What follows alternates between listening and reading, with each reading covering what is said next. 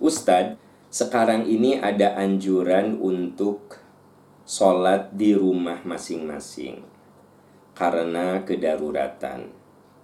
Bagaimana kalau saya tetap memaksakan diri sholat berjamaah di masjid?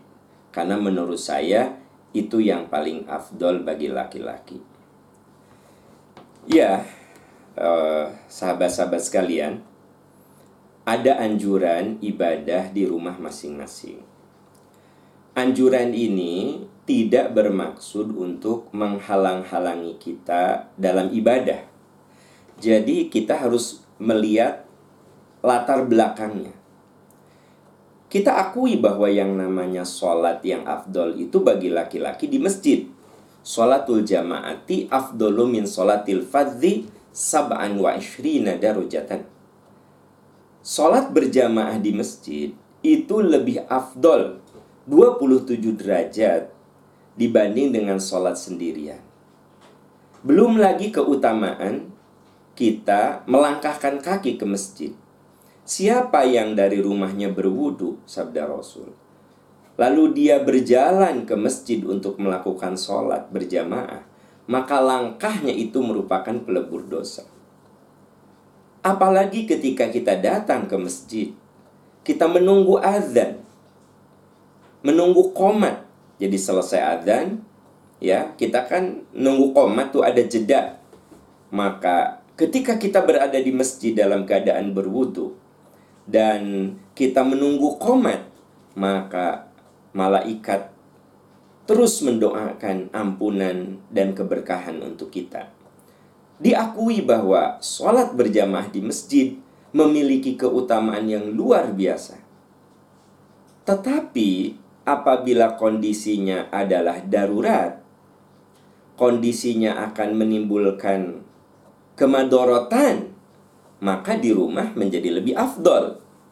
Pada zaman Rasulullah Shallallahu Alaihi Wasallam dan kemudian Umar bin Khattab radhiyallahu an pada saat itu sebagai khalifah menganjurkan umat Islam untuk sholat di rumah masing-masing ketika terjadi badai uh, gurun yang sangat membahayakan. Kalau di sana kadang ada masa di mana badai yang sangat dahsyat. Terus ada riwayat yang menunjukkan terjadi musim dingin yang sangat-sangat uh, mm, apa sangat-sangat berat sampai-sampai Umar bin Khattab menyarankan umat Islam untuk sholat di rumah masing-masing.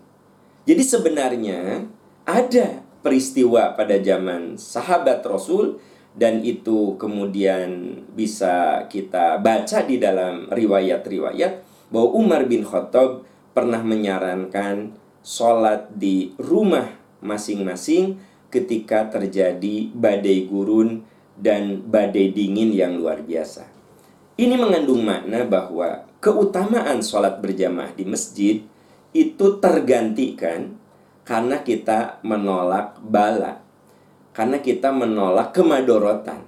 Sekiranya dengan sholat di masjid itu akan madorot, maka kita putuskan untuk sholat di rumah. Jadi sholat di rumah bukan berarti kita menghindari berjamaah di masjid bukan berarti kita malas untuk sholat di masjid, tetapi kita melakukan itu demi kemaslahatan.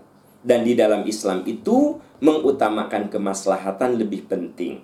Kalau kita sedang sakit, ini ilustrasi saja. Kalau kita sedang sakit dan sekiranya kita saum, sakit kita akan lebih parah. Apa yang sebaiknya kita ambil? menurut ajaran Islam. Yang sebaiknya kita ambil adalah berbuka. Saya lagi saum nih. Misalnya, saum Ramadan. Ternyata saya sakit. Sekiranya saya meneruskan saum saya, maka itu akan memadorotkan tubuh saya. Maka yang bagus adalah berbuka. Itu sebabnya ada ayat yang menyuruh kita untuk membayar kodok di hari yang lain faman kana minkum maridon aw ala safarin fa iddatu min ayyamin.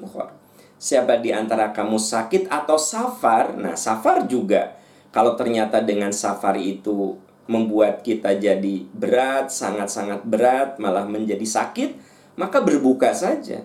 Nah, ini isyarat, ini maksud saya ilustrasi ada saat uh, yang utama itu kita tinggalkan demi kemaslahatan. Seperti halnya sekarang ini ada anjuran untuk sholat di rumah masing-masing, untuk ibadah di rumah, untuk bekerja di rumah, untuk belajar di rumah.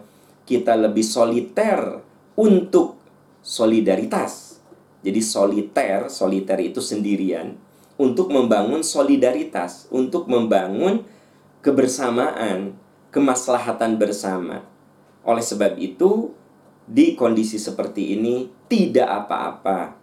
Tetap kita mendapatkan pahala seperti kita sholat berjamaah di masjid, seperti halnya kita melangkahkan kaki ke masjid. Sekalipun kita laksanakan di rumah, maka pahalanya sama saja karena hati kita, nawaitu kita ingin yang afdol, tetapi situasi yang tidak memungkinkan.